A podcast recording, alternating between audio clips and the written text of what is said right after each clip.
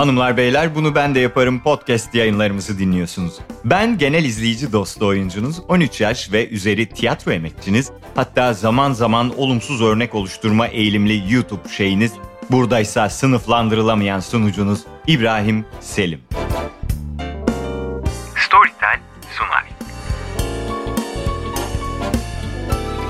Podcast yayınlarımızın bu bölümünde tarih boyunca değişen erkek ve kadın güzellik standartlarını incelemeye devam edeceğiz. Geçen bölümde mağara insanlarından başlattığımız güzellik ve moda evrimimizi yüzyılları yiye yiye, çekiştire çekiştire 20. yüzyıla kadar getirmeyi başarmıştık. Beyaz ten moda dedik ya, daha da beyaz olmak için kulaklarından sülüklerle kanlarını emdiriyorlar. Yani Allah affetsin ekşimik bir adam. Çok geçmeden bakmışlar ortada hatun kalmayacak. Bu modadan vazgeçilmiş. Hatta Batman's Club diye bir kulüp bile kurulmuş. Yani yorulduk cidden. Ama değdi. Bu bölümümüze biraz aksiyonla, Hollywood'la başlayacağız. Bakalım Hollywood var olan güzellik algısını nasıl değiştirmiş? 1920'lere geldiğimizde Hollywood yavaş yavaş patlıyor sevgili dinleyenler. Dans eden, atlara binen, şarkı söyleyen adamlar dört bir yanı sarmış. Haliyle güzellik algısını da onlar ve Hollywood şekillendirmeye başlamış. Kamera 10 kilo fazla gösteriyor geyiği o zamanın teknolojisiyle gerçekten öyle olduğundan yönetmenler daha zayıf aktörler seçmeye başlamış.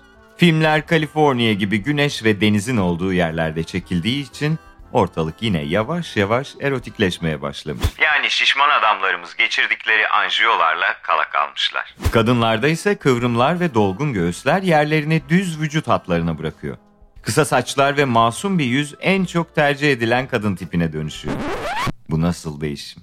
Daha 10-20 yıl önce dişilik, kıvrımlar ve kiloyken şimdi oğlan çocuğu görünümü popüler oluyor.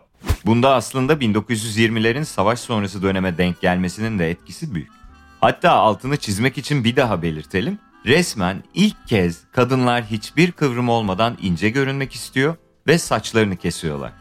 Etekler kadınların rahat hareket etmesi ve özgürce dans edebilmesi için daha hafif ve kısa üretilmeye başlanıyor. Evet dans çok önemli. Dönemin Hollywood filmlerini de izlerseniz tam bir dans furyası estiğini görebilirsiniz. Kadınlar resmen sadece dans etmek istiyormuş. Kilo ile ilgili de toplumsal takıntıların başladığı dönem yine 1920'ler. 1920'lerden önce çok zengin olmadığınız sürece kendinizi tartmanız zormuş.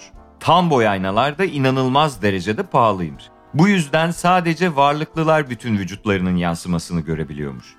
İşte fakirlik bazen sizi hazır olmadığınız yüzleşmelerden kurtarabiliyor. Banyo terazileri icat edildiğinde insanlar ne kadar ince ya da büyük olduklarını fark etmeye başlamışlar. Bu da kadınlara kendilerini bir bütün olarak görme şansı vermiş. Kısacası durup durup bozulan mertliğin bozulduğu başka bir an daha sevgili dinleyenler. Böylece günümüzdeki vücut takıntısı sorunu başlamış. Yani sizin suçunuz yok. Kendinize yüklenmeyin. Atalarımız delirmiş. 1930'lar. 1930'lara gelindiğinde sahneye ilk fitness gurusu Charles Atlas çıkıyor. Charles Atlas gençken epey sıska bir adammış. Bu yüzden epey itilip kakılmış. Yani mutlaka sebep sadece bu değildir ama özetle bayağı bir hırpalanmış ve gaza gelerek fitnessla kaslarını güçlendirmiş. Kendinin icat ettiği bir de fitness tekniği bile bulmuş. Bu sayede de kendini ebat olarak epeyce bir büyütmüş. Ve sonunda bir ikon haline gelmiş. Geçirdiği değişimin boyutunu anlamanız için Yeşilçam'dan örnek vermek istiyoruz. Kendisiyle dalga geçen zengin çocuklarından intikam almak için değişen kaşık dansı ustası Ayşecik gibi bayağı büyük bir değişim geçirmiş. Dönemin ünlü yazarlarından biri 30'lu ve 40'lı yıllarda yaşanan 2. Dünya Savaşı ve Büyük Depresyon'un çaresi olarak Atlas'ın reçetesini önermiş. Herkesten büyük ol.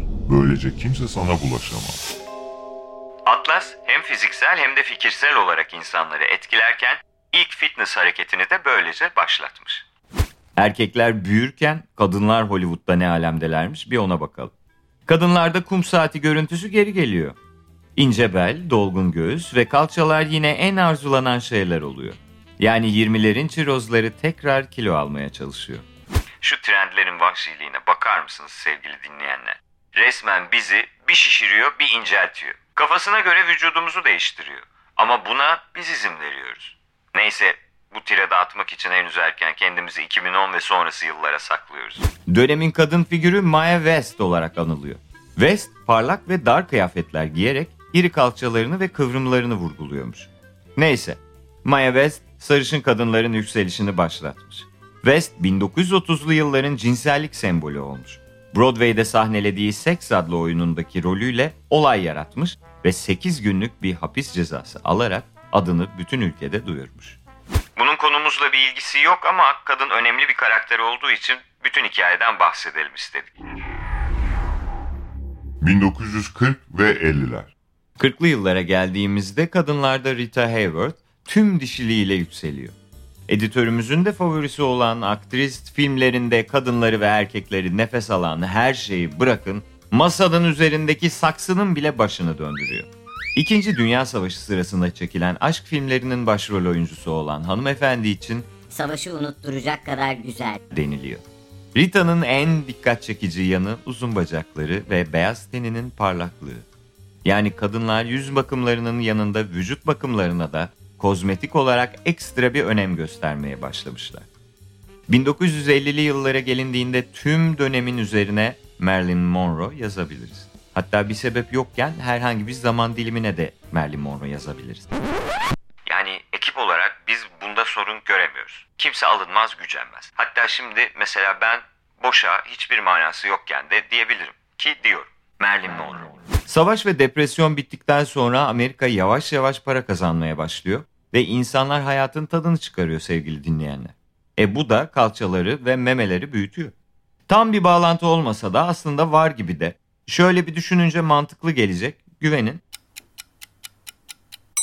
Düşündüyseniz devam ediyoruz. Gelmedi mi? Hay Allah. Sevgili izleyenler, kadınlarda kum saati görünümü yine moda oluyor. Tüm ince görünümlerine rağmen günümüzün modellerinden hala ağır olan 50'lerin estetik anlayışında filmlerdeki çekici kızların çoğu 18-21 yaş aralığında. Savaş sonrası ölen bir nesle karşılık yeniden doğan gençliğin beğenildiği dönemler başlamış. Bu dönem aynı zamanda radyo programlarında ve hatta reklamlardan şişman kelimesinin kötü bir şekilde ortaya konduğu sürecin başlangıcı. İncenin güzel, kilolu insanların çirkin olarak sınıflandırılmasının temelleri bu yıllarda atılmış. Yani bunları depresyondan, savaştan çıkarmaya gelmiyor sevgili dinleyenler. İki refaha erince hemen birilerini ötekileştirip kalp kırmaya başlıyorlar. Erkeklere gelirsek savaş ve büyük depresyonla erkekler de vücut kütlesi olarak büyük görünme takıntılarına şimdilik bir ara vermişler diyebiliriz. Artık moda yönetici görünümü olmuş. Kravat, gömlek ve kendilerine büyük de gelse omuzları geniş gösterecek takım elbiseler ve özellikle de büyük trench kotlar dönemi başlamış. Giyilen kıyafetler vücudun ne kadar büyük gösteriyorsa etkisi de o kadar fazladır mantığı varmış. Yani koskoca bir 10 yıl boyunca erkekler babalarının kıyafetlerini giyen çocuklar gibi dolaşmış. Omuz ve kol kısımları geniş tutulmuş, bu kadar geniş tutulunca da uzun boy yine öne çıkmış. Yani her dönem hakir görülen bir kesim varmış sevgili dinleyenler. Ama bu kısa boyluların ikinci hakir görüldüğü yüzyıl dikkatimizden kaçmadı. Cidden kabul edilebilir gibi değil. Dönemin gençleri içinse mükemmel iki örnek var. Sanıyoruz James Dean ve Elvis desek herkes için yeterli olacaktır.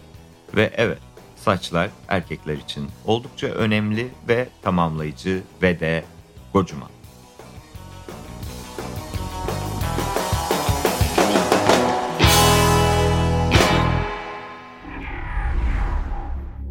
...1960'lar.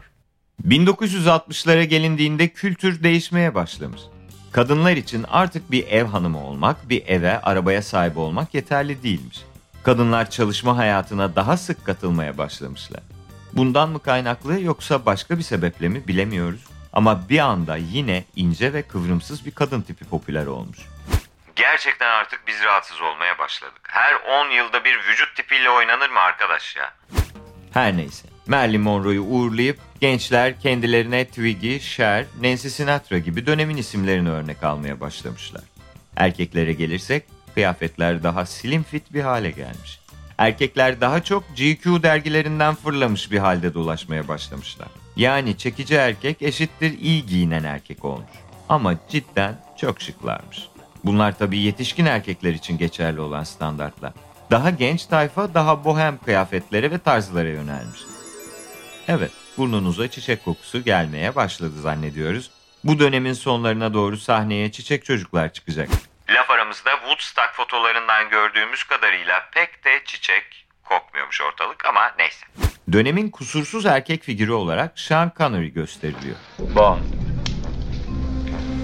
James Bond. Evet, orijinal 007 James Bond. Sakalsız, fazla kası olmasa da çok şekilsiz değil ve döşü de bayağı kıllı. Yaşı daha genç olanlar içinse fit ve bronz vücuduyla Alain Delon arıza endam ederek uzaktan geliyor sevgili dinleyenler. 1970'ler. 70'ler kadınlar için daha fazla özgürlük taşısa da incelik hala idealmiş. Makyaj ve moda daha doğal bir görünüme doğru eğilmiş. Bu tarz 60'lar kadar cesur olmasa da kadınların saçları çok uzun ve doğalmış. Faye Dunaway ikon olarak gösterilebiliyor. Bununla beraber sporcu ve kaslı kadın vücudu da yükselişe geçmiş. Abartılı makyaj yerini doğala bırakmış. İyi bir de tenisçi olan Charlie'nin meleklerinden tanıdığımız Farah Fawcett, 70'li yılların en güzel kadınlarından biriymiş.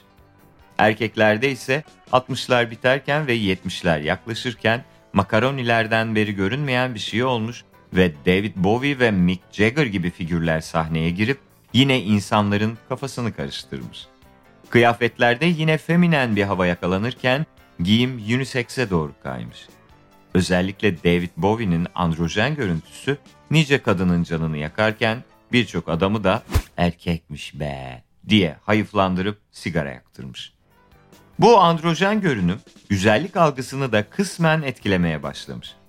Bu arada Bowie malumunuz son gününe kadar güzel bir adamdı ama Jagger da gençliğinde bayağı iyiydi.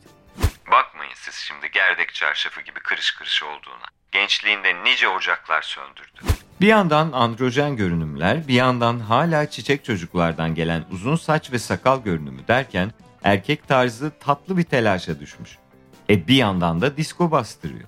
Androjen ve hippi görünümü dışında erkeklerde bıyık ve İspanyol paçalı yüksek belli pantolonların moda olduğunu görmeye başlıyoruz. Bu da haliyle ince bir vücudu zorunlu kılıyor. Hala karın kaslarına ya da bisepslere ihtiyaç yok yani. Sadece göbeğiniz olmasın yeter. Ya ne güzel yıllarmış. Sadece göbeğe göre yargılanıyorsun. Yani şimdi dikkat etmemiz gereken zibilyon tane şey var ya.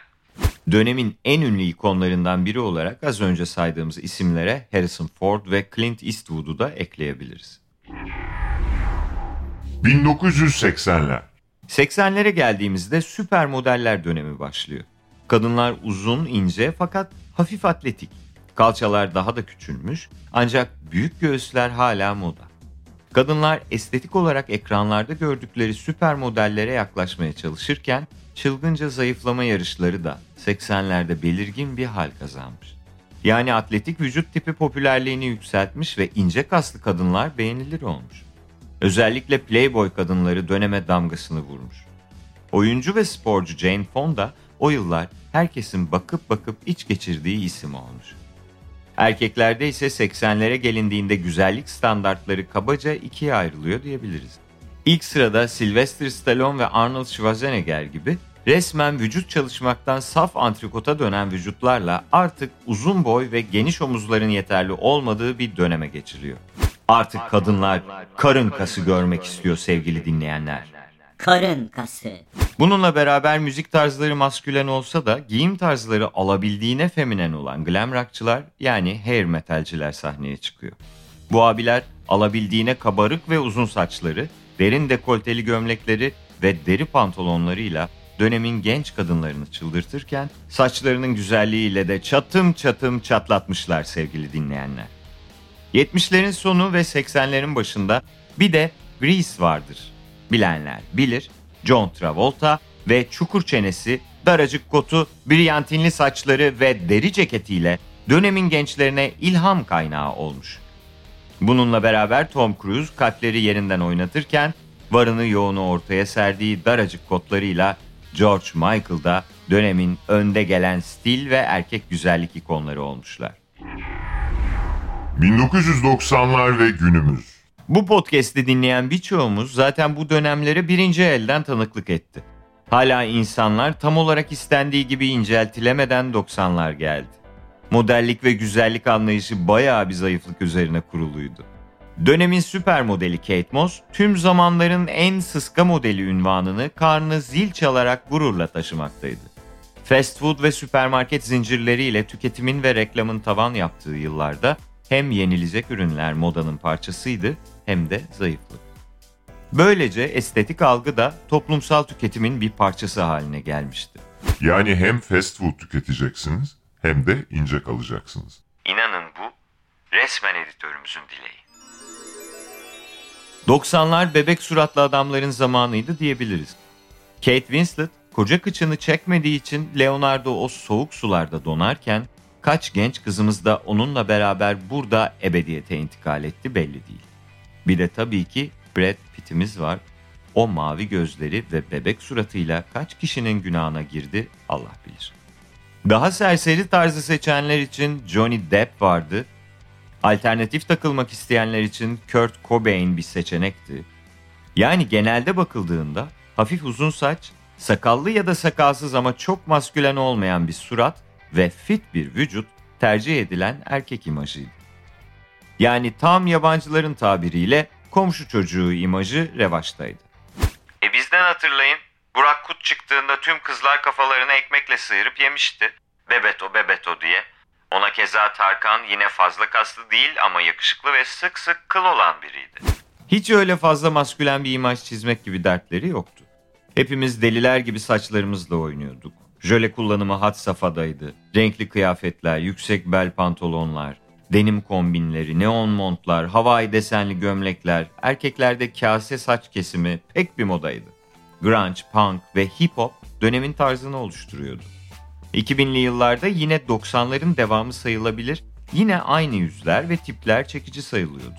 Sadece moda anlamında biraz daha R&B ve hip hop kültürü yükselişe geçince gençler arasında daha bol kıyafetler ve büyük pırlanta görünümlü küpeler tercih edilmeye başlandı. Dönemin stil ikonu David Beckham dersek sanırım herkes daha iyi anlayacak. Yine Jude Law'lar, Matt Damon'lar, George Clooney'ler hep bu yıllarda People dergisi tarafından yaşayan en seksi erkek ödüllerini aldılar. 2000'lerden günümüze dünya kadar imaj denendi. Bir görünüm öne çıkarken bir diğerinin modası geçti. Metroseksüellerden tutun hipsterlara, oradan verin elinizi lümberseksüellere neler neler denenmedi. Ne oldu peki sonunda? Hepimiz kafaları yedik sevgili dinleyenler. Evet sevgili dinleyenler bu podcastimizin de sonuna geldik. Üçüncü ve son podcastimizde her biri kendi içinde bir garip olan bu yüzyılları arkamızda bırakıp güzellik algısının insan hayatını tehlikeye sokacak kadar değiştiği 2010'lu yılları inceleyeceğiz. Bu incelememiz bu tarihsel evrimdeki gibi kıyafet ya da kozmetik seçimlerimiz üzerinden değil de daha çok bize etkileri üzerinden olacak. Böyle konuşunca da misafirler gidince ben sana soracağım diyen anne gerginliği bıraktık üzerinizde. Fazla ciddi bitirdik. Ama yok yok yine eğleneceğiz korkmayın. Ama soracağız yine şu misafirler bir gitsin. Editörün kötü şakası kusura kalmayın. İyi günler. Storytel